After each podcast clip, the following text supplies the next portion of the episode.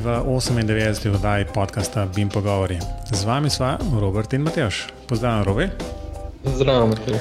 No, z vesel, velikim veseljem lahko pozdravim um, najnega današnjega gosta, to je asistent dr. Zoran Pučko z Univerze v Mariboru. Um, bo sam povedal, potem, z katere fakultete, ki je blazno dolg ime, pa si zmeri jezik zelo zelo pri tem. Tako da je zdrav, Zoran. Zdravo. Mogoče v pari stavkih, zoran, da, da se najprej predstaviš, to, da bojo poslušalci vedeli, s kom se pogovarjamo. Pa jasno poveš, s kateri fakulteti si. Dobro, eh, hvala lepa za predano besedo. Torej, da se predstavim, sem dr. Zoran Pučko eh, iz Fakultete za gradbeništvo, prometno inženirstvo in arhitekturo Univerze v Mariboru. Eh, sem asistent na kateri za operativno gradbeništvo, kaj še ne rečem, sem asistent pri 14 predmetih, tako da študenti mimo mene skoraj da ne morejo. Jaz bi te kar ustavil, tako pri 14 predmetih. Ja. To je 14 različnih predmetov.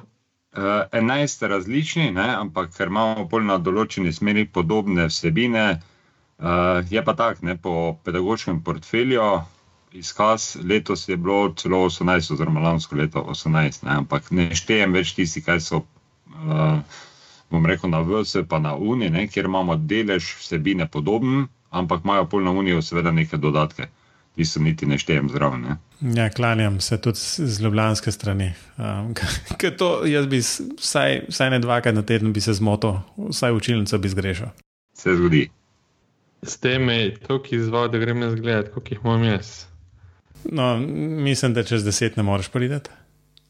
Mislim, da res ne, ampak vseeno preverjam. 2, 4, 6, 7 v amater. Ja, čist. No, jaz raj ne bom govoril. No, kakorkoli že, ne, Zoran smo povabili, um, zato da bo pa kasneje malo povedal, kako se um, pač bima in izobraževanje in tega lotevajo tudi v Mariboru. To smo že ene parkrat govorili, ampak je vedno dobro slišati um, nov pogled, recimo.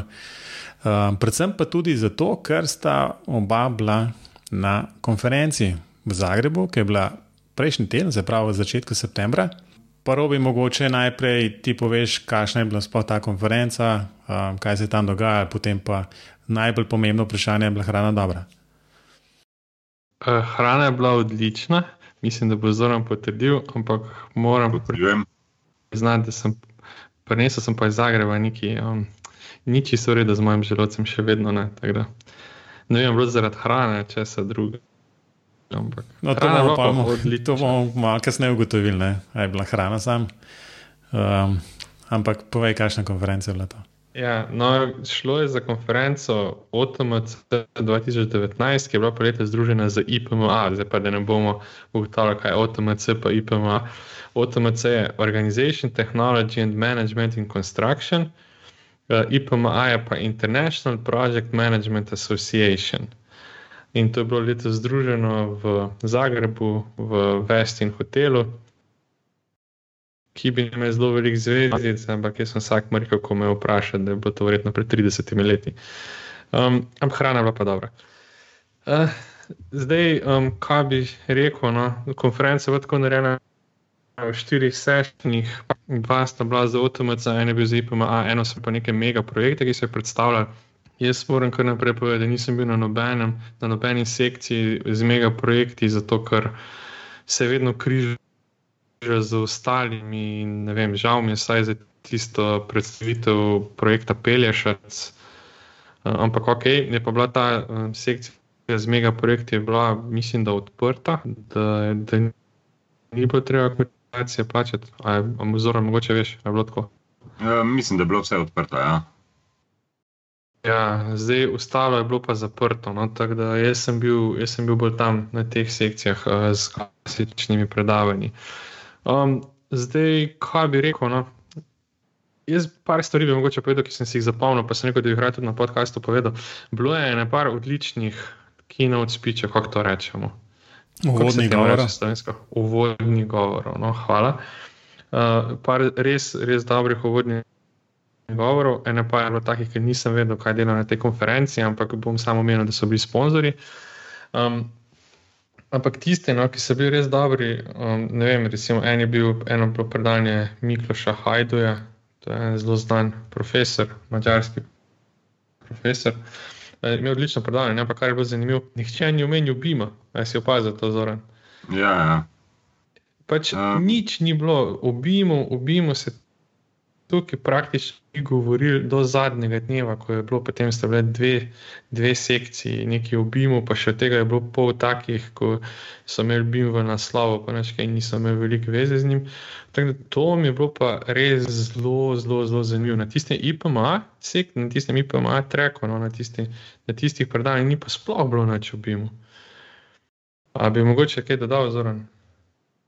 Um, ne, se v bistvu celotna konferenca, se pravi OTMC in IPMA, je bila razdeljena več ali manj v sekcije, kjer je bilo samo v petek sekcija za Billing Information Modeling, drugače so pa še recimo tu vem, Construction Project Management in podobne sekcije. Ne, in temu primerno vsebinsko so bili tudi uh, podani posamezni članki, prispevki, predstavitve. Zdaj, ko si prej omenil tega profesora Mikloša Hajdu iz uh, Budimpešte, um, on je v bistvu specialist za terminsko planiranje, pa vse te tehnike terminske planiranja. Do zdaj, vedno, ko sem bil na teh konferencah, on je vedno tam o mrežnih diagramih govoril, pa o povezavah med aktivnostmi, pa teorija okrog tega, včasih poda tudi kakšen praktični primer. To. Ja, no, se, se hočem reči to, no, da na vseh teh konferencah, ki se jih mi udeležujemo, je vsaj pol člankov, samo bim gor, bim dol, levo, desno. Ne.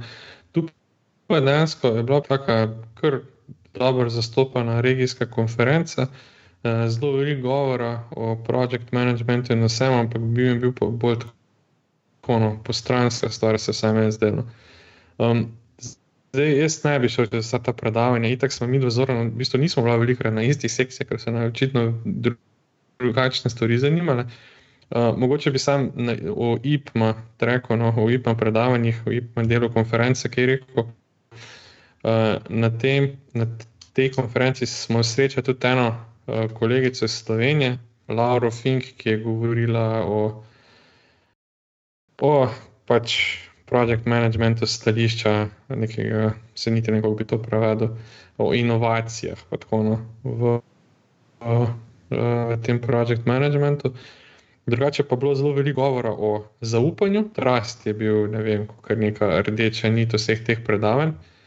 In pa so na to veliko lepili, no. neki so tudi omenjali blockchain, pa gor, pa dol, pa kako to zaupanje dobiti, pa ga vzdrževati. Pa tudi je bilo eno uvodno predavanje, je bilo na to temo, o tem zaupanju.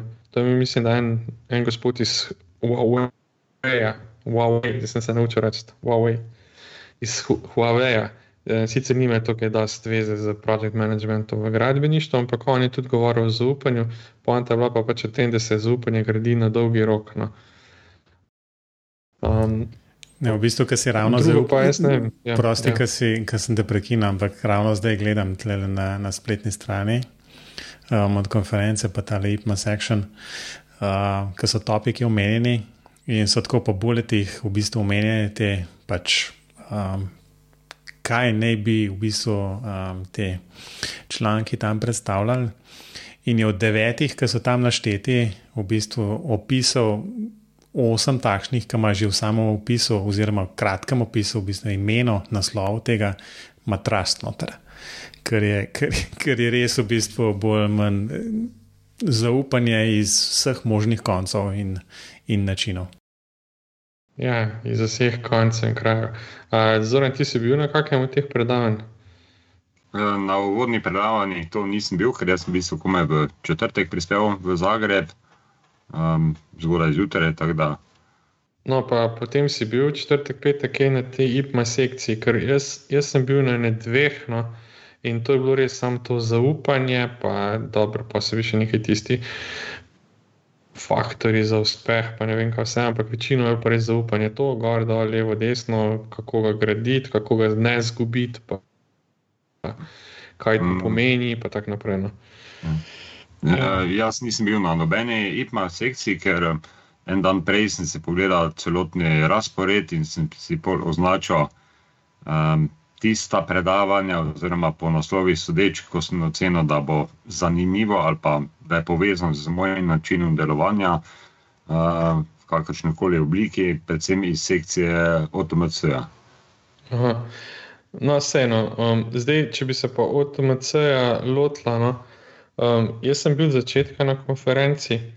Um, Zdaj, da bi se kaj posebej zapomnil, ne vem, jaz sem pač ideja je taka, no, da bi mogoče oba povedala, če smo si kjer v predavnju res zapomnili, pa kaj se nam zdi, uh, kaj se nam zdi zelo pomembno, ali pa kaj se nam je zelo pomembno. No.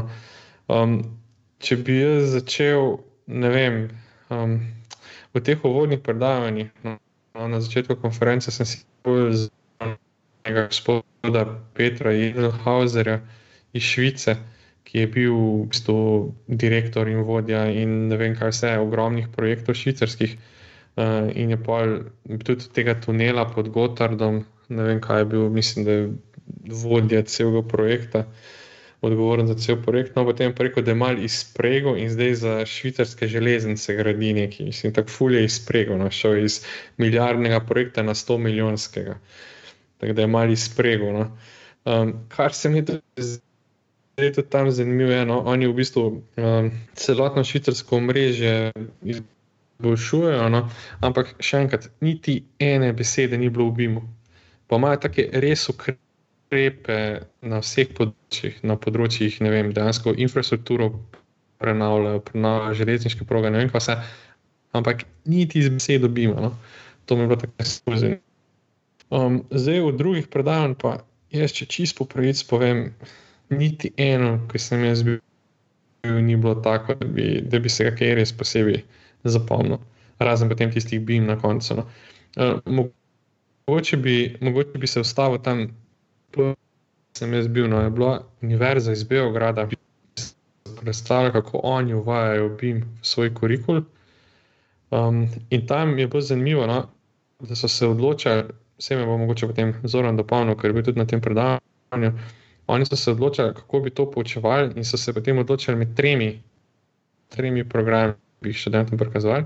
In zdaj je bil en je bil Navisworks, en je bil Bexel Manager, tretji je bil pa, kjer je bil, ali sem hoče spomnil, zoren, kjer je bil tretji. Um, ne, v bistvu avtodeskovi produkti so bili, pa pol, pač v kombinaciji z Bexel Managerjem. Pa, pa še ne bil, a bil Viko, mislim, bil Viko. Ne, ne, Viko ni bil, Viko sem jaz predstavljal. Aha. Ne, en, en je še bil, ko vem, da sem imel v tabeli tri. No.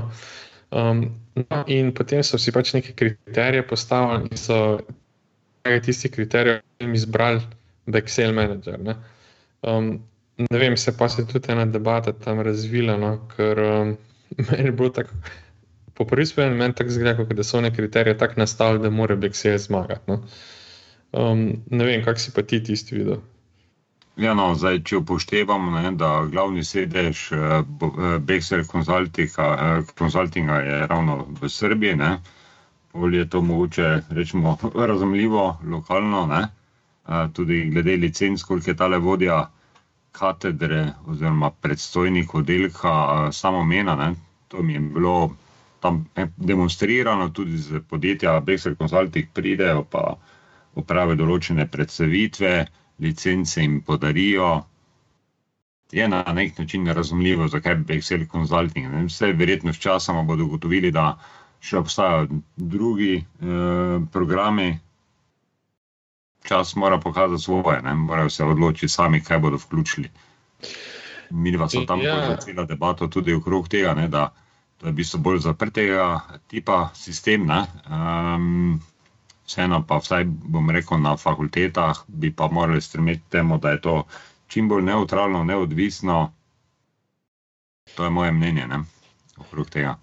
Ja, ampak oni tam se niso nič kaj sekirali. Ne? Tam so pač rekli, da okay, pač mi, mi smo to vzeli, zato ker nam nudijo podporo, in tako naprej. Hmm pol, pol v bistvu niti, mislim, vse, da se razumemo. Jaz, jaz jih pač razumem, ne, sam ne vem, zakaj se potem skrivamo za takimi članki, pa, pa se tam neki kriteriji postavljajo. Ne, pač to so izbrane.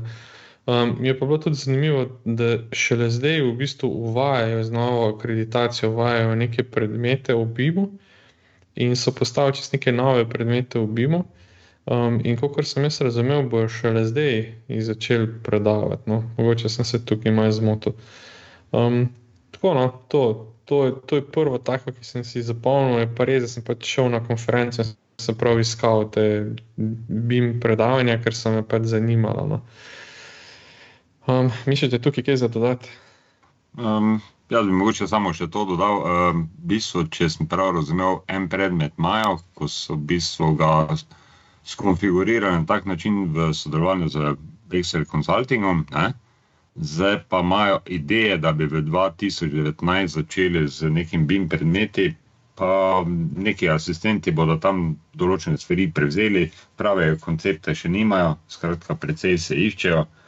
Um, jaz sem se bolj še malo pogovarjal, ker iz Beograda poznam tega Mikiča, sva bila na Dunaju pred vem, 2015-2004 letmi skupaj. In takrat je bilo sicer govor, da bi on naj uvajal to, ampak kot sem slišal, odhaja iz građevinske fakultete Beograda. Tako da ne vem, kdo bo to izvajal. Ja, no, jaz sem pa govoril z tem, kaj je bil predstojnik katedre, ja. ki se je potem tudi umešal v pogovor. Um, in on je pa rekel, ja, da bolj kot ne, tudi, da gre če šest let v pokoj in da on ne bo dočakal tega uvajanja. Tako da ne vem, ne vem, očitno imajo neke kadrovske, kadrovski manjko tam dol, tako da če koga zanima, verjetno bo v Mariboru, no, mislim, Mariboru v Beogradu, eh, bojo kakšni razpisi, najverjetneje. No. Um, to, no, to, to je bilo res prvo tako, ki sem si ga jaz zapomnil. Sicer so pa tudi druga predanja, ampak so bila zanimiva iz kakega druga stališča. No. Um, zdaj, no, še če sem že prej omenil tisto, eh, tisto uvodno predavanje Mikloša Hajdoja, eh, bi sam mogoče povedal, da je govoril predstavljanje projektov, ki so jih izvajali za svetovno prvenstvo v plavanju, mislim, svetovno prvenstvo v plavanju, eh, in kakšni so bili tam kriteriji za izbiro. No? In je recimo predstavil, da, da je bil kriterij, da so morali postaviti bazene na glavni trg, ki gleda na njihov parlament. No, in potem je predstavil, koliko je bila cena enega skoka iz stolpa, ko so bili tudi ti skoki v vodo na tem prvenstvu. No, in cena za en skok iz, iz stolpa, ki so ga postavili, zato da so bile lepe slike, da se je parlament zadnji videl, je bila 200 tisoč evrov. Se pravi, vsak skok, ki je bil upravljen na tistem stolpu, je stal organizatorju 200 tisoč evrov. Um, pa če to mi je bilo zanimivo. No? Da je on rekel, je, da je bil on vodja projekta pred desetimi leti, ko smo imeli tudi en tak velik dogodek, mogoče 20, ne vem, pač nekaj časa nazaj. Uh, so imeli tudi neko prvenstvo v, v plavanju in so takrat postavili cel kompleks, pokriti bazen z montažnim uh, bazenom za trening. In je takrat stala organizacija prvenstva, zdaj najme za številko držati, mislim, da je rekel, da je okoli 5 milijonov evrov, mogoče 15 milijonov evrov, mogoče 15. Recimo, da je stala uh, tista organizacija za sogradnjo bazena in, in montažnega bazena, vse da je stala ranga 15 milijonov evrov. Uh, to zadnje prvenstvo je stalo pa 300 milijonov evrov. To mi je bila res taka percepcija nora. Uh, a si bil ti na tem predavanju, Zoran? Uh, jaz sem bil, ja. Pa zdaj tudi ne vem, se spomniš, da ti se nekaj omenjati. Ampak je bilo nekaj takih taki rangi, so bili, ne? Ja, zdaj to zadnje, Mislim, če sem si prav zapomnil, tam so bili trije sklopi, trije različni bazeni, kjer je vem, na prvem je bilo 40 tisoč mest, na drugem 30, na zadnjem pa 10 ali 15 tisoč mest ne, okrog teh ja. bazenov. In uh, celotni kompleks, ker to niso bili samo bazeni, pa tribune, ne, ampak še en kup yeah. Ja. drugih spremljajočih yeah. objektov, je bilo nekaj takega, okrog 30 milijonov, se mi zdi. Ja. Yeah. No, pa še to sem si zapomnil, govoril o teh terminskih planih, ko sem prej rekel, da je, da je ta profesor um, pač strokovnjak na tem področju. No, in kar sem se zapomnil, je to, da te terminske plane, ko ko jih zdaj delate, ne, delamo, delate, mi, mi to ravno ne. No, da ti terminski plani, če ti rečeš, da bo nekaj dela, da bo upravljeno na 150 dneh, ne, je v bistvu. Procent, verjet, mislim, verjetnost, da bo res upravljeno v teh 150 dneh, je 50-50. Um, in je 50% možnosti, da bo več, in 50% možnosti, da bo manj. Bo nekega gausa čez potegnil, In če hoče, če hoče uh, 80% verjetno zagotoviti, da bodo tisti roki res držali, so ti roki vedno dajali. In to mi je bilo pa res, res, res noro. No? In, mislim, dobro, jaz, jaz se s tem nakvarjam in je bilo to čisto novo. No? In kar je bilo meni res dobro, je rekel to, da kadar on vodi projekt, pa ima čas narediti dva terminska plana. Eden je za izvajalce, drugi pa za investitorje. In on za investitorje je vedno daljši in pač to upošteva. Da pride na 80% verjetnost, tisto je pa za izvajalce, pa ta na 50% je pa celo manjši. No? In pa rekel, da se vedno nekje dobijo tam investitorjev v timeline. To mi je pa res tako. Dobro, no? dobro. Ampak spet, niti z besedo ni bi imel meno. Ja, vidiš, no, kdo bi zagovarjal BIM, ne? recimo, da sem jaz zdaj tukaj, ki bi rekel, da ja, če, če bi pa to omenil, pa, pa ne bi bilo to 50-50, ne bi bilo, bilo verjetno večje. Ja. A, ne, ne. no. ne, ne, hecam se v bistvu, ampak. Uh, ja, abs absolutno. Um, je pa, je pa no, tako, da, da te še enkrat um, prekinem. Ne, je pa v bistvu zanimivo, ne, da vsem bi, bi pričakoval, ne, da um, lahko, lahko sicer razumeš to organizacijo, tehnologijo in pa management v bistvu zelo splošno.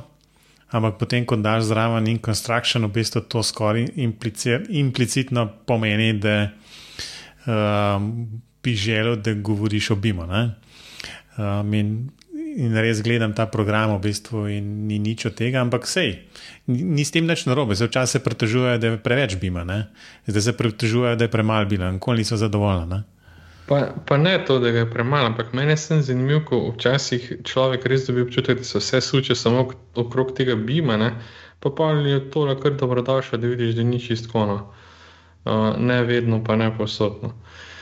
Um, to, no. Zdaj, predem pa potem prišel do tistih um, predavanj o BIM-u, bi mogoče še nekaj omenil, da je bilo kar precej govora na tej konferenci o fiziku. Fizik, kaj se že to, kako se to prevede? Neka francoska kratica na nivoju Evropske, Evropske unije, ne? uh, ja, neka delovna skupina za mm, gradbeniški sektor, nekaj v tem smislu. Ne? Ja, neki, bomo polinkali to, bomo, bomo mi to polinkali v zapiskih. No, in ta Fidik daje zelo veliko priporočil. Za, za pogodbe, kako upravljati s projekti, pač en kup teh priporočil. No, in Hrvaška očitno v nekem obdobju ta fizik uvedla v svojo zakonodajo, v svoje predpise in neki. No, in kaj se na tem konferenci izkaže, ker nekaj je govorilo o tem fiziku, pa, pa sem še eno kroglo mizo. Izkaže se, to, da so na mestu, da bi prenesli te pogodbe, pa določila pogodbe, pa to po fiziku. So sicer rekli, da ja, okay, to so, so fizik pogodbe na Hrvaškem, potem so pa svoje pravila napisali. In, in se sicer reče fizik, ampak nima kaj veliko veze s tistimi originalnimi fiziki in ima zdaj zaradi tega ogromno problemov. No. To, mi je bilo, to mi je bilo res tako um, zanimivo. Uh, in potem, ko je bilo eno predanje, v bistvu en pravnik tudi pre, m, predaval o, v hrvaškem jeziku o teh uh, fizik pogodbah. In kar je bilo meni men zanimivo, je to, da bi ga vprašal, da okay, če ta fizik poštevate, pa če imate te pogodbe, pa to, kar je en kup problemov z njimi. Ne, kaj, je pa s temi BIM-i, pa lasništvom BIM modelov, pa kdo je odgovoren. To se mi zdi, da bo še kar zanimivo v naslednjih letih. No. Kako pa, lej, Robi, moram vprašati, uh, kako ste bili pa s timelinom? Ja, no, to lahko tudi zorom pove. Načeloma si imel pač ljudi, ki se tega niso držali, ne. ampak k sreči je, mislim, k sreči niti ne k sreči, ampak zelo velikih je manjka, zelo velikih ni prišlo predavati. No. Ja. Zanimivo, da se to dogaja. Ja, jaz sem bil na, enem, na eni sekciji, ko bi moral biti pet predavanj, pa je prišel samo eden. Ja, Take vrste konference potem. En, ne, ne, en, enkrat sem bil na podobni uh, v Grčiji, ampak za Grčijo, ja, sem... za Grčijo rečeš, ok, mogoče pa Grčija problem. Eh, tam ste na plaži imeli kakšne sekšne, tukaj Pa ne, no, to pa eni očitno niso prše.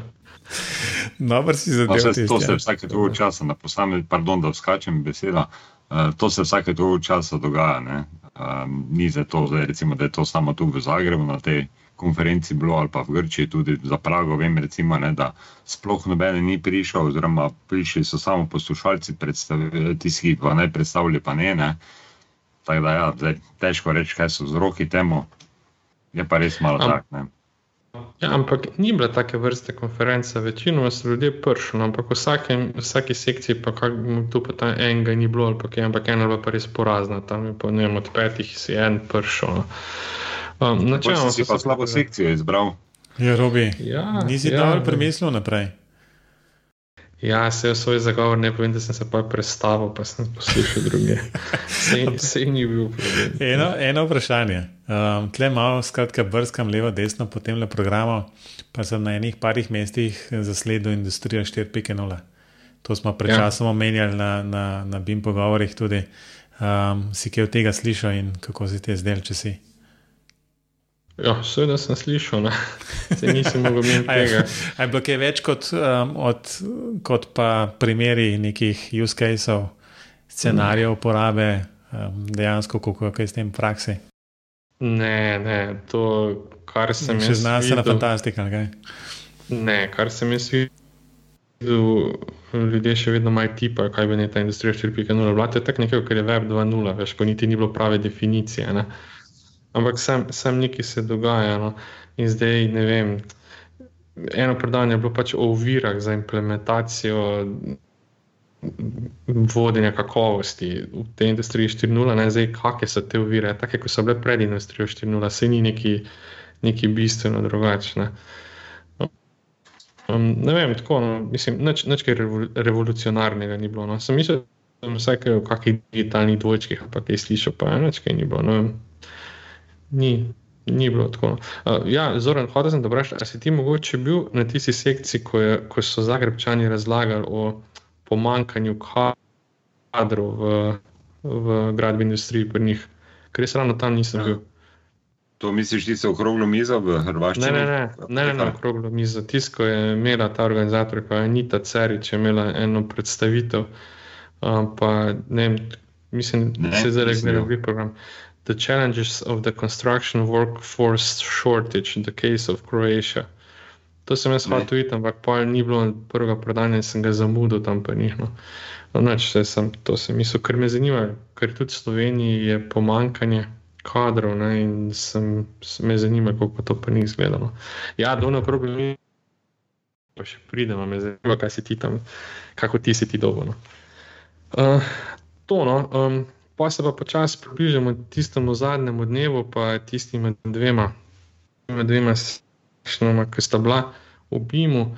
Um, in sicer oba, oba sva bila, v bistvu sta bila en pa polno v Bimu, uh, oba sva bila na, na eni sekciji, kjer je bil pa izključno v Bimu. Uh, mogoče kaj bolj podrobno šla o tem. No. Uh, en je bil, prvo predanje je bilo BIM Implementation in Public Infrastructure, CDE Design for Italian Airport Systems. Jaz moram priznati, da sem od tega predavanja veliko več pričakoval, in jaz zdaj ne vem, ali sem kaj zgrešil, ali nisem razumel, ali kaj takega, ker ta članek je dejansko dobil pol nagrado. Ne. Um. Je- Ja. Jaz nič kaj o tem, mislim, v tej predstavitvi je bilo zelo malo CD-jev, zelo malo. Vse drugo je bilo, koliko je težko m, letališča graditi, pa to CD-jev zelo malo. Tako da jaz članka pa nisem šel preverjati, ampak a si ti to kaj drugače videl? Ne, ne, kar soglašam, tako kot so polno zvečer na tisti uh, Best Award, oziroma Ja. podelitvi, ne, ugotavljala, hm, ok, ta članek, v redu, ne vem. Mislim, jaz, jaz res predstavljam, tako kot je bil to, ne vem, no, jaz bi marsikemu drugemu članku dal prej nagrado kot temu. Ja. Um, ker dejansko je bil, sploh ni bil skoncentriran, ni bila skoncentrirana od CD-jev, nismo zvedeli nič, uh, niti o zasnovi CD-ja. Večino je bilo samo to, da je letališke, letališko infrastrukturo zelo težko graditi, kar vsi vemo. Ne. In tako, ne vem, pač nisem bil impresioniran. No. Tako. Um, ne vem, imaš mogoče še kaj za dodati? Mm, jaz sem prvi vtis dobil, da je v bistvu bolj bila malo bolj kot ne arhitektura, predstavljen dizajn tega letališča. Tudi sem pričakoval, da bo kaj več povedano o strukturi samega projekta, o sestavi, o pristopu. Pa nič. Ne. Ne, ni, ni bilo ravno tisto. Ja. Manjkalo je nekaj. Meni se zdi, da je pol manjka. Um, no, pa naslednje predanje je bilo uh, Active Beam Review of Accomplishments, Challenges and Potentials. Um, to so bili pa raziskovalci, mislim, da je Univerza v Osijeku, pa vaša univerza, ne? se pravi vaša fakulteta.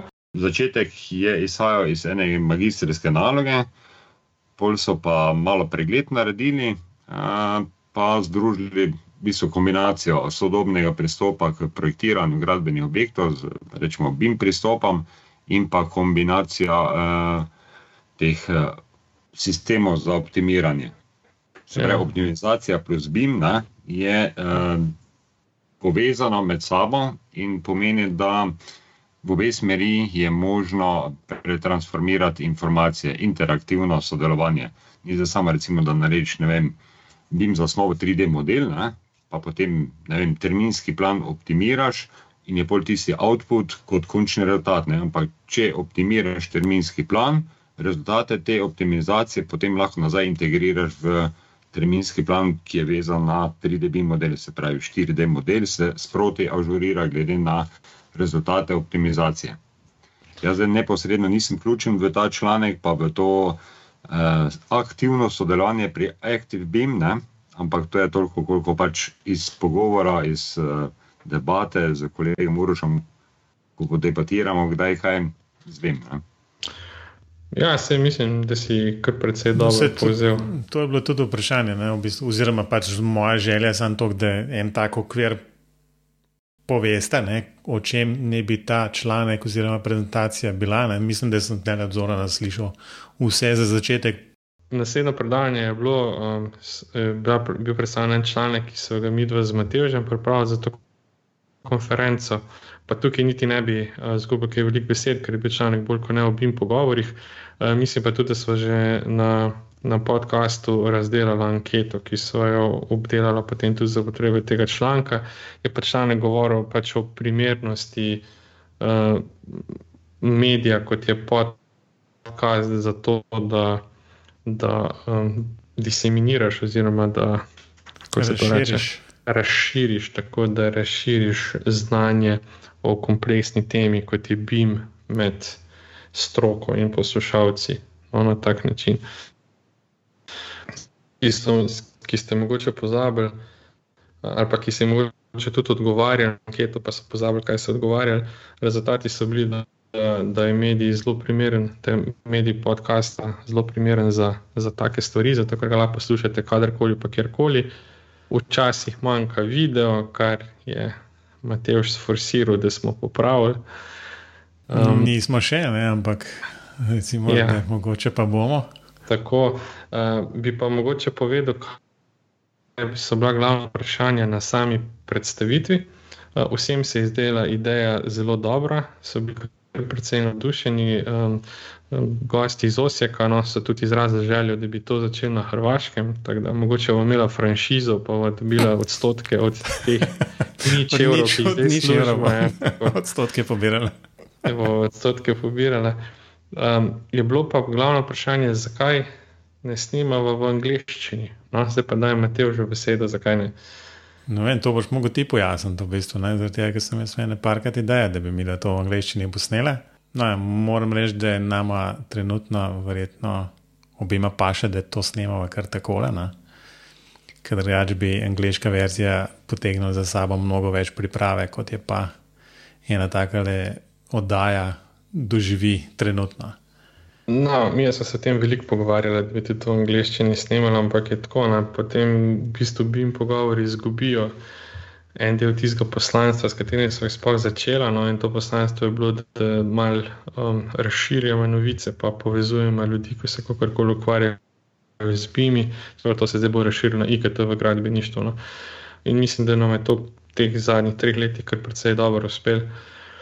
Če bi šla pa na tuje, naj pa zdaj vprašanje, če bi vabila slovenske goste, pa bi vsi govorili v tujem jeziku, je vprašanje, koliko je en tak majhen trg kot je Slovenija. Zanimiv za tujce.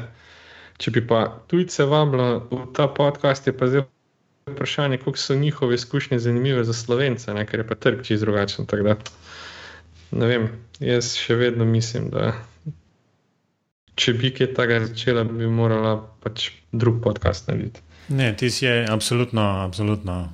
Um, ni, ne gre to ena na eno, v smislu, da ima samo angliš začeti govoriti ali obdržati, obdržati ta format, ali pa v bistvu kot si rekel, v bistvu vabiti tuje goste. Um, mislim, da ne ena, ne druga varianta ne bi bila um, najbolj primerna. Ne? Ampak ja. um, pustimo se presenetiti, mogoče pa pridemo na kakšno pametno idejo enkrat. Ja, no, bomo videli. No, naslednje predavanje je imel pa uh, naj današnji gost, mogoče zdaj zoren ti bo mogoče pustila kaj do besede, ko se mi zdi, da sem jaz govorim danes. No. Um, no, če bi mogoče lahko predstavil, o čem si govoril, jaz bom samo naslov prebral in naslov sicer je bil Teaching and Life Long Education od BIM. to je tisto, ki so FCE, to je ja, in Maribor. In Slovenija, vse Faculty of Civil Engineering, Transport Engineering and Architecture. Pravilno. No, evo, FCE. Ja. Kratica je vsekakor zanimiva, tako v slovenščini kot v angleščini. Da, ja. Ja.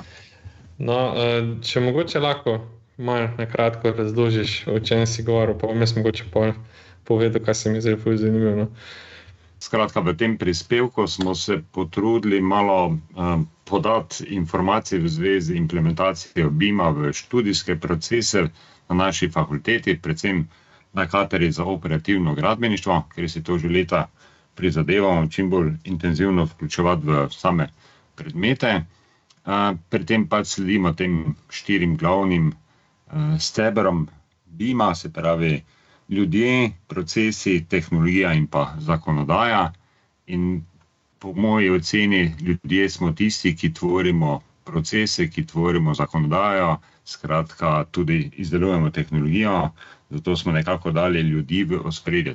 Lahko bi rekli malo uh, social notes oziroma socialni prispevek uh, implementacije BIM-a. To je mogoče zelo malo široko filozofsko razpravo, ampak bom proval v nadaljevanju razložiti. Um, skratka, v članku ali pa pri predstavitvi sem omenil, da imamo na eni strani mlade ljudi, se pravi, delamo z študenti, ki pretežno nimajo neke ozadje iz znanja iz gradbeništva, saj so kome na začetni poti, so pa več ali manj dobro podkovani z razno raznimi informacijsko-komunikacijskimi tehnologijami. Ne? Ker pa seveda naše poslanstvo, torej izobraževanje, sega tudi izven tistega formalnega izobraževanja v okviru razno raznih dogodkov in pa tudi praktičnega usposabljanja v okviru uh, podjetij. Uh, se pa tam srečujemo z starejšo populacijo, se pravi z zaposlenimi, ki imajo predhodno znanje iz gradbeništva, pa tudi kar nekaj praktičnih izkušenj. Je pa tam, uh, seveda, pristop povsem drugačen, ne? se pravi, z manj uh, računalniški. Računalniško pismenimi delati na nekih sodobnih tehnologijah, kjer so oni navajeni delati po nekem ustaljenem ritmu, voditi projekte, zna biti tudi velik izziv. No, in to smo poskušali v tem prispevku predstaviti. Najprej smo poudarili eh, to formalno izobraževanje, ne, torej pri katerih predmetih smo vključili posamezne segmente BIM pristopa. Tukaj smo izpostavili potem eh, predmet vodenja gradbenih projektov, kjer zdaj že osmo leto zapored z našimi študenti tvorimo 4D in 5D BIM modele za realne objekte, vsako leto si pridobimo nov 3D model nekega realnega objekta in potem, kot v kakem projektivnem biroju, poskušamo simulirati delo. Ne? Se pravi, delo si razdelimo v skupine, seveda neke osnovne smernice morajo biti, kajti cilj je, da na koncu dobimo celovit BIM model, 3D, 4D, 5D BIM model. No in tu smo potem tudi malo uh, prikazali način dela, ne? se pravi, da uh, študenti pridobijo podatke za izdelavo PDB modela, se pravi, kjer so stroški vključeni, za podani objekt, potem terminsko planirajo, da izdelajo potem 4D BIM model, izvajamo različne simulacije in seveda potem vsaka skupina, katerim so deljeni posamezni elementi tega BIM objekta, predstavi svoje zaključke. To so seveda parcialni segmenti tega celotnega objekta, pri čemer seveda potem vse te parcialne izsledke ali pa rezultate združimo v celovit BIM model in ta predstavitev se izvede na koncu tega dogodka. Se pravi, to je več ali manj tri, štiri ure trajajo te predstavitve, ne, kjer študenti najprej svoj delež predstavijo, na koncu pa potem celovit model predstavim in tu moram reči, imamo zelo pozitivne izkušnje, kajti šele takrat študenti vidijo celoto. Se pravi, dobijo občutek, kaj so prispevali oni s svojo skupino in kako to izgleda na koncu. no, in seveda to jih potem navdihne, da marsikateri študenti se potem tudi odločijo za vključitev BIM pristopa pri svojih zaključnih delih, bodisi magistrska dela, diplomska dela, in tako imamo že kar nekaj teh zaključnih del, izdelanih z BIM pristopom, seveda vse je dostopno na repozitoriju Univerze Maribor, DKUM, in pa tudi en katalog smo izdali, kjer smo povzeli tista dela teh naših študentov, ki uporabljajo BIM pristop. No, potem en par besed smo spregovorili tudi o dodani vrednosti pri formalnem izobraževanju, ki je zasnovano na osnovi izvedenih strokovnih ekskurzij. Tako smo recimo lansko leto se udeležili BIM World Munich, se pravi svetovnega dogodka v Münchnu, kjer je bilo čez sto petdeset različnih govorcev pa tudi razstavljavcev, ki so prikazovali najnovejše tehnologije s področja gradbeništva, urban planning, real estate in podobne zadeve, vezane vse na BIM pristop.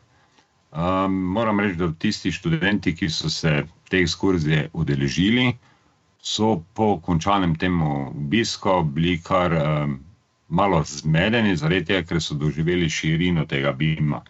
Ne, prej recimo tekom študija poskušamo določene vsebine povedati, glede na ure, koliko jih imamo na razpolago, je to precej omejeno, no, ko pa nekaj takega doživiš, pa dobiš čisto drugi vpogled v te zadeve, ne. Na kratko smo tudi omenili naše izkušnje pri udeležbi na BIM-atlonu, kjer smo dejansko s petimi našimi študenti, tremi, trije predstavniki iz podjetij in dva iz fakultete, smo tvorili eno skupino in se udeležili tega BIM-atlona, se pravi tekmovanja v zasnovi celovitega BIM modela za neki objekt v parih uricah, ne, se pravi šestih, sedmih uricah je bilo treba narediti čim več, vezano z BIM pristopom. No, in seveda to je neka izkušnja, ki jo naši študenti lahko pridobijo in jim to bogati pridobljeno znanje. No, potem pa druga polovička tega prispevka je pa namenjena izobraževanju starejše populacije, kjer smo se udeležili oziroma smo imeli določena predavanja tako na Inženirski zbornici Slovenije v sklopu enega projekta, ki ga imajo pri Inženirski zbornici, in sicer bilo je to večdnevno predavanje, različni predavatelji, pretežno iz Slovenije, so govorili o BIM pristopih, o težavah, kje vidijo prednost, kje vidijo pomanjkanje oziroma primanjkljaj trenutnega stanja k doprinosu, da bi to v praksi zaživelo. tako da je bila to prva v bistvu taka akcija Inženirske zbornice Slovenije, digitalizacijo v gradbeništvu prikazati širši javnosti. No, potem smo tudi v sklopu BIM foruma podjetja Hermes bili povabljeni na predstavitve našega dela z BIM pristopom. No, tukaj smo seveda pokazali čim več praktičnih primerov, tudi smo demonstrirali uporabo njihove programske opreme, to je For build, ki po novem sedaj tudi omogoča IFC integracijo za kalkulacijo stroškov in podobno. No, in pa če za konec smo predstavili še en projekt, ki smo ga izvali z podjetjem GIC Gradnje in sicer staranje populacije ni samo pri nas problem, je tudi širom po Evropi problem. No, in tukaj je tudi bil en evropski projekt uh, razpisan, ki na nek način pomaga podjetjem oziroma njihovim zaposlenim za aktivno uh, udejstvovanje starejše populacije znotraj podjetij, znotraj gradbenega podjetja. No, in tu smo ravno z kolegom Urošem Klančkom izvedla na nek način usposabljanje za vodstvo podjetja GIC gradnje z vidika planiranja, vodenja projektov, no in seveda tudi demonstrirali uporabo BIM pristopa pri določenih praktičnih primerih, kjer smo jih izvedli. In smo rekli, da če bo interes, smo pripravljeni tudi praktično preizkusiti na kakem njihovem objektu. No, in to sedaj tudi smo na nek način začeli v Mariboru. Se gradijo študentski razgledi, uh, glavni izvajalec je GIC gradnje, no in tam imamo tudi spremljanje gradnje, pa tudi na nek način imamo še v plan izvesti modeliranje, 4D, 5D, BIM modeliranje. Toliko malo, da še okrog tega povem. No in to je bistvo, bil prispevek, ki smo ga na tej OTMC konferenci podali. Sam črmen ni imel nekega vprašanja strašnega, bilo je pač rečeno, da je bilo zanimivo in upam, da je bilo zanimivo. Skratka, izkušnje pri poučevanju mlajših, starejših so zelo raznolike. Vsi tisti, ki delamo v pedagoškem procesu, vemo, da delo z ljudmi zna biti včasih težavno, je pa hkrati tudi kreativno in izzivalno. In Recimo, malo predtem sem tudi pobrskal. Um, Forbes, mislim, da je imel pred leti neko študijo, kjer je uh, klasificiral oziroma kategoriziral najbolj težavne službe oziroma jobs. Uh, in mislim, da je v poklicu učitelja bil na četrtem ali petem mestu. Tako, ja. s tem bi zaključil. Ja, no, um, če lahko dodam, jaz sem bil na tvojem predavanju. In jaz vem, zakaj ni bilo vprašanj, zato ker si to pač predstavil suvereno in tako, in v bistvu ni bilo nekega stvarkega prostora. Ker, uh, vem pa, ker sem se pogovarjal s tistimi, ki so sedeli okrog mene no, in so rekli, da bi radi prebrali, da, da morajo prebrati, da bi videli, kaj vse vi počnete. Ne. Um, bi pa mogoče to vprašal, ko si omenil, da boste z, z tem podjetjem GIC zgradnji zdaj nekaj tam spremljali, pa modelirali, pa tako naprej. Ampak to bo samo modeliranje, da se bo videl, da bo videl vse možnosti, bi ima to ne bo modeliranje, ki bi ga oni, da bi oni potem te modele uporabljali pri gradnji. Ne? Ne, ne, v bistvu objekt se že gradi, ne, se pravi, projektna dokumentacija v taki obliki, kot je 2D, ne, je pripravljena v bistvu to je sklop dveh uh, blokov in prvi bo, mislim, da marca, drugi pa junija vseljiv, tako da objekt je zdaj približno, projekt je približno zdaj v polovico izvedbe. Um, ni bil namen, ne, da bi recimo BIM pristop uporabili že za samo izvedbo. Ne. Mi spremljamo z vidika um, gradnje, zato da bomo videli, potem, kako bi to pošolsko, recimo, uh, lahko 4D, 5D model naredili in potem primerjali z dejansko izvedbo.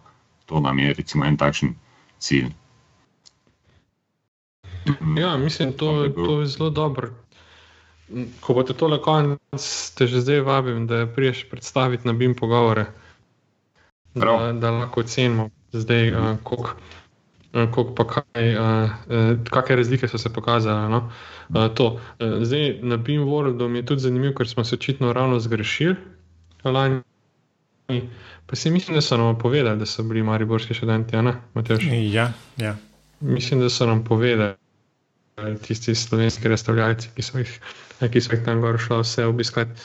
Um, to, um, tako, mislim, zanimivo. No? Mi mi pri nas še nismo imeli nobenega, ki bi prišel do nas, pa, pa bi ga zanimalo, če jim lahko kaj predstavimo, bi jim pa to noter. Mogoče, mogoče se pa to spremeni. Potem pa je verjetno na času, da se malo povežemo, pa drug drugemu malo predstavimo, pa morda najdemo kakšne skupne točke, ali pa tudi, če so različne točke, lahko to drug druge malo predstavimo. Ne samo zdaj, rečemo, uh, nam, zaposlenim, ampak predvsem za študente, ne? bi bilo verjetno zanimivo ugotoviti. Zagotovo, to je bilo zagotovo.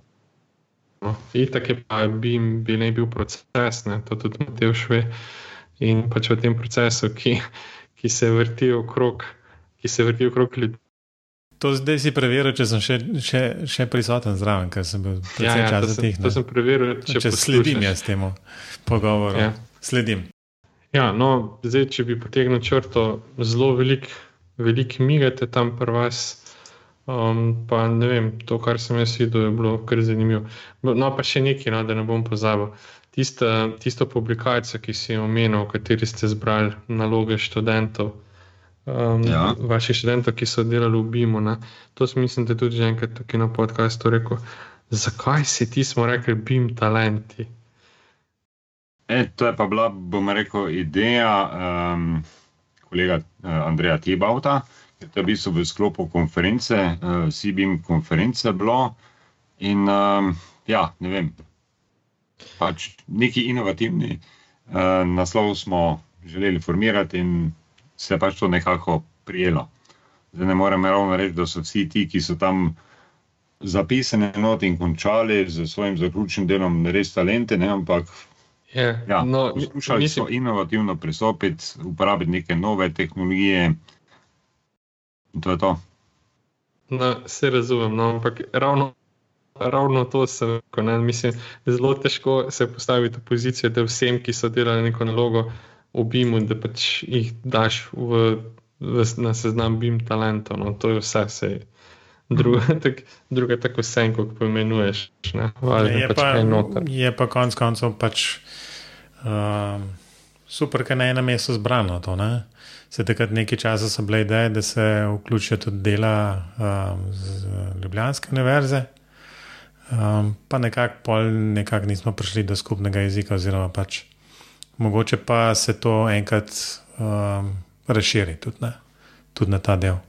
V bistvu v sklopu te konference ne, je bilo kar nekaj povabil poslanih naokrog. Ne, in ideja je bila sicer res tako kot običajno, ne, zelo malo časa smo imeli za pripravo vsega tega, ne, da bi zbrali vse, kar je tu rečemo na slovenskem območju, pa mogoče še malo okrog Slovenije, ne, da bi zbrali, kaj so študenti v izobraževalnem procesu z BIM pristopom delali, počeli, seznanili se in tako dalje, predvsem v smislu svojih zaključnih del. Ne. In uh, bolj smo nekaj časa vztrajali, vem, da še kar nekaj mailov je šlo naokrog, nekega strašnega odziva ni bilo, bolj smo rekli, ok, če smo že napovedali, ne, dajmo vsaj nekaj sestaviti in smo bolj sestavili za pač naše študente. Ta izraz talenti, ne, to je res mogoče ni bil najbolj posrečen, če pa upoštevam, da takrat še niso bili tako znani ti poklici, kot so recimo BIM manager, BIM koordinator in tako dalje, ne, kot so zdaj če dalje bolj v uveljavi, smo pač izbrali talenti. Robi, jaz komi čakam, da začnemo govoriti o, o, o okrogli mizi, ki si je napovedoval prej. Ja. Ne, se, uh, sem dve, dve predavanji so bili še tukaj. No. Um, bi sem na hitro mogoče omenil, predvsem eno, eno predavanje je imela ena gospodična Meliha Honič, mislim, da je Honič, tu je vse v šumniku. Ja, um, ki je v bistvu doktorska študentka pri eni profesorici Ivi Kovačič, ki je zelo znana v teh krogih. No, ona je profesorica na Dunaju in kar je uh, Meliha predstavila, je bilo uh, en del nekega evropskega projekta, oziroma ne vem, kak projekt je že bil, no, pa tudi en del svoje doktorske naloge. In sicer obstoječo stavbo na zelo velik različnih načinov potem zajemajo in iz tega naredijo BIM model. In potem, kar sem si zapomnil, to sem si ful zapomnil, no, dela neke material passports, eh, neke pač potne liste, materialne potne liste, v katerih zapisuje noter vse materiale, ki se v tem modelu nahajajo. No, ampak kar je zanimivo, je to, da to dela za obstoječe stavbe in pri tem uporablja od point cloudov do nekega laserskega zajemanja, pa, pa mislim, da so bili neki georadari za to, da materijale dobi in tako naprej. In to dela vse na neki stavbi uh, univerze na Dunaju, ki jo bojo podarili. Ne vem sicer to, zakaj dela na tej stavbi. Um, tako da ne vem, meni pa to fuz zanimivo. Pa še ena stvar je bila tam, ki sem tudi Matej že hotel omeniti. In to je, da je rekla, da so uporabljali gami, gamification pristop, se pravi, da so iz tega naredili igro, ker ljudje niso hoteli podatkov uh, in to podatek, da okna odpirajo. So naredili neko igro na telefonu in zdaj um, zaposleni, ki delajo v tej stavbi, tekmujejo na tak način, da večkrat, ko javijo ali okno odprto, zaprto ali ne. Potem so na nekih lestvicah, tedenskih, pa mesečnih, pa neke, neke simbolične nagrade dobivajo, in da takrat naprej pa dobivajo full velik podatkov. A, to, to se mi je zdaj zanimivo. No. Bi mogoče zoran kaj dodal? Um, če se prav spomnim, uh, slike so zajemali z pametnimi telefoni in te slike pošiljali, in oni so pa bolj vrednoti na osnovi teh fotografij, ne, uh, sestavo materijala, čeprav je to še vedno samo površinska sestava materijala. Ne. Ja, ampak pa so neki z georadari kombinirali. Pa... Mm, ja, ti si deep skeneri, oziroma ja. globinski skeneri, ne, s tistimi so poskušali analizirati sestavo materijala, ne, ker pri starejših, obstoječih objektih je težko ugotoviti. Um, brez nekih destruktivnih metod, kakšna je sestava materijala, ne? predvsem utrujen, oziroma vpliv časa, težko zagotoviš, kakšna je sestava materijala. No in s tem material passport bi naj dodali pri zasnovi in potem tudi pri izvedbi, prvenstveno uporabo materijala, ki bi seveda potem čez čas, recimo pri kakšni rekonstrukciji, sanaciji in tako dalje, bili merodajni podatki, zato da se lahko pristopi k pravilni sanaciji. Ne? Ja, no, lepo, lepo si me, si me popravil. Ja, no, na tak način. Pa to sem si še zapomnil, da so me za vse, za vse te stvari, za point cloud, za te materijale, za te deep scanere, pa to so imeli vedno po dva izvajalca. Zato tudi so njihove sisteme primerjali med sabo, pa učinkovitost, pa modele, pa, pa te stvari. No. Tako da ne vem, zelo temeljita naloga, jaz upam, da jim bo uspel. In se mi pa tako dozdeva, no, da bo to spet ena od tistih, um, eno od tistih projektov, ko se enkrat spostavi, pa pa mogoče nikoli več, ker je čisto preveč zakompliciran. Uh, pa še to je bilo, kar je tudi samo omenila, da so imeli največ težav z ljudmi, zato ker eni niso želeli, da se ve, ali so v sobi ali ne, uh, drugi niso želeli, da je to, kar snemamo pa vsi težave s tem, da so jih skozi motili pri delu. No. Tako da na mm. koncu se vedno take pristopi na ljudeh uh, padajo ali pa so uspešni. Zdaj pa mogoče še zadnjo iz te sekcije, preden gremo res na tisto okroglo mizo, to je pa, pa pač nekaj o nekih um, ključnih faktorjih za uh, eh, 4D modeliranje nekih met metrojev oziroma teh podzemnih železnic. Uh, to je bilo nekje v Indiji, nekaj clash detection v BIM-u, pa ne vem, kaj Indija gor pa dol. Ampak to je pa tako to je en doktorski študent iz Indije predstavljal in bilo zelo tako all over the place predavanje. No. Mhm. Um, ne vem, jaz nisem videl več v metrojih, nisem videl več v Clash detektivih, razne slike. Tako, no, kot da, da malo išče, kaj bi počel za doktorat. No, to bi jaz tako na hitro povzel. Um, ni, ni pa nekega posebnega vtisa, pusto na meni. Če imaš še zelo. Je res bilo Aha. bolj teoretična osnova kot ne. Ja. Ja. Ja, no. Me veseli, da, da nisem čist grešil poente. Um, to, no, s tem se je pač ta sekcija končala, to je bila v bistvu zadnja sekcija uh, te konference, za njo je bila samo še ena okrogla miza, pa pa je zaključni, zak, zaključno predavanje, oziroma tista zaključna beseda. Um, zdaj, kaj bi se še bilo treba reči, to okroglo mizo bi jaz malo menil, pa ne vem, zoran, si bil ti prisoten na tej okrogli mizi? Ne, na te zadnjih okroglih mizi nisem bil prisoten. No, to je pa bila ena okrogla miza, ki je bila v hrvaškem jeziku, in so bili en kup enih pomembnih ljudi v, v hrvaškem gradbeništvu, bilo na tej okrogli mizi. Zdaj, pa jaz bom zelo težko povzel, kaj so se tam pogovarjali. Bom pa rekel to, da, da je bilo nekaj um, povišenih tonov. No.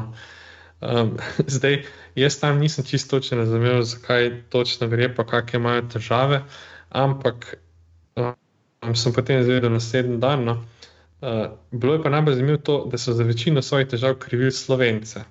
Ne?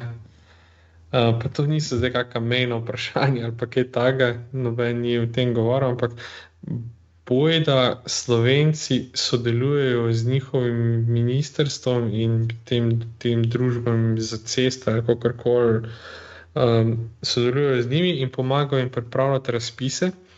In so potem ti razpisi pripravljeni tako, da ne ustrezajo hrvaškim podjetjem, pa hrvaški zakonodaji, in imajo potem ogromne probleme s tem. No? In oni so skozi govorili o PDV-ju, to sem že vedel, da je neki z davkom, ja, nek, njihov prometni davek, oziroma naš DDV. Uh, kot sem pa potem izvedel, je glavna težava njihovega gradbeništva pri teh javnih naročilih ta, da nekog, ta davek nekako poračunajo drugače, kot se poračuna pri nas, kar pomeni, da zelo dolgo delajo brez uh, plačila. No, glavno, če tako na hitro poznam, kaj je njihov glavni problem. Uh, drugače pa ta problem je pokazala, da imajo zelo podobne probleme, kot jih imamo v Sloveniji. No. Pomankanje kadra, neizobražen kader, pač en kup težav, pa, pa izpostavlja se tudi ogromno težav z temi FIDIC pogodbami, ki jih je Hrvaš, Hrvaška prevzela in sicer zaradi tega, ker so ker so te FIDIC pogodbe sicer prevzeli, potem so jih pa ob prevajanju kar dodajali neke svoje člene in, sicer, in zdaj so te pogodbe sicer so po FIDIC-u, ampak je tako, no, to je tako, da bi mi vzeli nekaj iz uh, neke nemške zakone, pa je pa slovenske specialnosti in tako dalje. To niso več nemški zakoni, ne. to so pač. Naši zakoni na osnovi nekih drugih. No. In, no, in s tem imajo tam uh, ogromno enih, enih težav. No. Uh, tako da To je tako kratek povzetek te okrogle mize. Je bilo pa zanimivo to, ko si me tež prej sprašal, kako je kaj s časom. Tukaj so ga absolutno presegli, s tem, da sta največ govorila dva, bilo jih je pa deset na tej okrogle mizi. Oziroma, lažem, osem jih je bilo. No, govorila sta pa dva. Tako da, tako kot vedno. Ja, ampak sej, škoda, škoda, da se, mislim, zdaj, ko si tole okroglo mizo povzel, bom zaključil, da je verjetno škoda, da se um, take relativno notranje zadeve v bistvu potem pač na ta način probejo reševati ali pa izpostavljati, ker jasno tam to ne služi ne poslušalcem, ne njim samim, kaj je prodostno. Ne, ampak eh, zgleda je tako, no, ker je te okrogli mizi bil uh, prisoten tudi. Uh, je nek direktor nekega sektorja, ne, nekem ministrstvu. No, in potem je tudi en direktor nekega glavnega izvajalca na nekem velikem projektu, in potem se samo na dva pač dejansko interne stvari. Kdo ni dobil plačan, pa zakaj ne, pa kako to rešujejo, pa gor pa dol. No, in videl sem samo to, da so na, na tej okrogli mizi zelo velik uh, Hrvaša. Uh, obiskovalcev, ki so prišli, mislim, da je izključno zaradi te okrogle mize, in zelo, zelo veliko se jih je odkrito nasmejali, uh, ker očitno so to neke stare stvari, niso, niso prvič bile tu izpostavljene, jih rešujejo že dlje časa in so se res na glas smejali. Uh, in je bilo tako, kar malce na trenutke, bilo kar malce smešno. No, skratka, neč novega, oziroma zdaj lahko se to lažemo, da, da imajo še, ima še drugi pro, podobne probleme kot mi. Ne? Ampak um, najbrž je pa dobro delati v tem smislu, da, da jih pravimo mi sami odpravljati, pa se ne ozirati predvsem na okolje.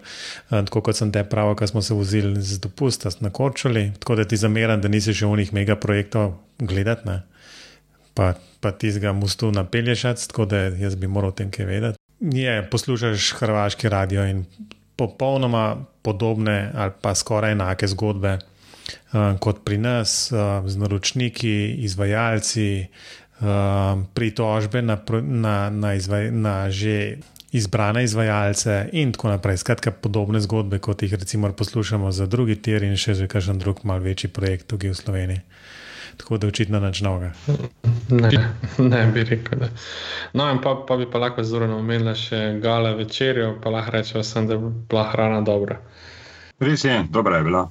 Ja, to zdaj ne morem potrditi, zato ker ni noben več prenesel. Ja, ker so vse pojedla. Ja, ker je bilo tam tako- jaz, ker je bilo tako dobro. če, se, če se prav spomnim, pač na Hrvaškem se zelo radi pohvalijo s kakšnim krašom, pa kakšnim, kakšno čokolado njihovo. Tako da nič od tega nismo dobili. Tako da um, kdaj drugič, upam. malo za hec za konec, ne, ker smo že malo, že malo tako daljši, kot smo načrtovali. Um, bi pa rekel jasno, da je pogovor bil super, tako da čas ni bil zgubljen. Uh, bi pa za konec, ne, predno um, rečemo Zoranu, adijo. Um, Zoran, kje te lahko poslušalci kontaktirajo za dodatne informacije in okoli um, projektov, ki si jih omenil, ali pa študija. Na fakulteti, na spletni strani so vsi moji kontaktni podatki. Um, Mogoče na hitro samo menim, zoran.pucko, afna.um.si je moj mail. To bo še verjetno najhitrejši način komuniciranja, pa dan danes kar uveljavljen način. Kdorkoli me lahko kontaktira, vse v zvezi z BIM me zanima. Če sogovornika zanima tudi BIM, imamo skupni jezik in sem prepričan, da najdemo kakšno pot za kakšno skupno delo, raziskave, testiranja, karkoli. Lečno, um, Robi, kaj morajo poslušalci googlati? Ja, ne, prej to povem, sam povem. Zoran je super, fajn, sem najprej pogledal Ljubljansko univerzo. Vse se hecam. Um, ja, mene lahko še vedno googlate Robert Klinc, zdaj ima še drugi Robert Klinc, uh, S5, poleg gozdarja, zdaj še neko kovino strugarstvo, to nisem jaz. Um, jaz sem pa tisti, ta, ta prvi, ta tretji. No. Se pravi, Robert Afneklinc.net, to je to. No, odlično. Um, skratka, še vedno velja, da za BIM pogovore um, najlažje kar na infoafna, bimpogovore.si, pošljete kakšen mail, vprašanja, mogoče tudi predlog za uh, kakšnega novega gosta. Tako da bi s tem zaključili, in jasno, še predno rečemo, adijo, se zorno zelo od srca zahvalo za to, da si vzel čas in um, nam predstavil, pač, kaj počne in kaj počnejo v okviru razno raznih projektov, pa jasno je povedal, kako je bilo na konferenci. Tudi jaz bi se zahvalil, uh, predvsem Robiju, katerega sem imel priložnost na OTMC konferenci malo bliže spoznati, predvsem na tistih gala dinarjih sva lahko kar poklepetala malo, je bilo kar zanimivo. Pa nismo Eh, preveč Mateo- vine spila. Ne, ne, ne, to ne. Ti bi še pogovor bolj tekoče steha. Um, to so vse skupaj prišparali na naslednjo OTMC konferenco, kjer vem, da se bo Mateo študij pridružil. Upam pa, da ne bo to trajalo dve leti, da se mi dobimo, ampak da se dobimo še kje prej. Ne? Hvala obema za povabilo. Hvala za, za pogovor. Ne? Pa ponovadi, Matej, ti zaključiš. E, res je, skratka, Zoran in Robi, adijo. Adijo.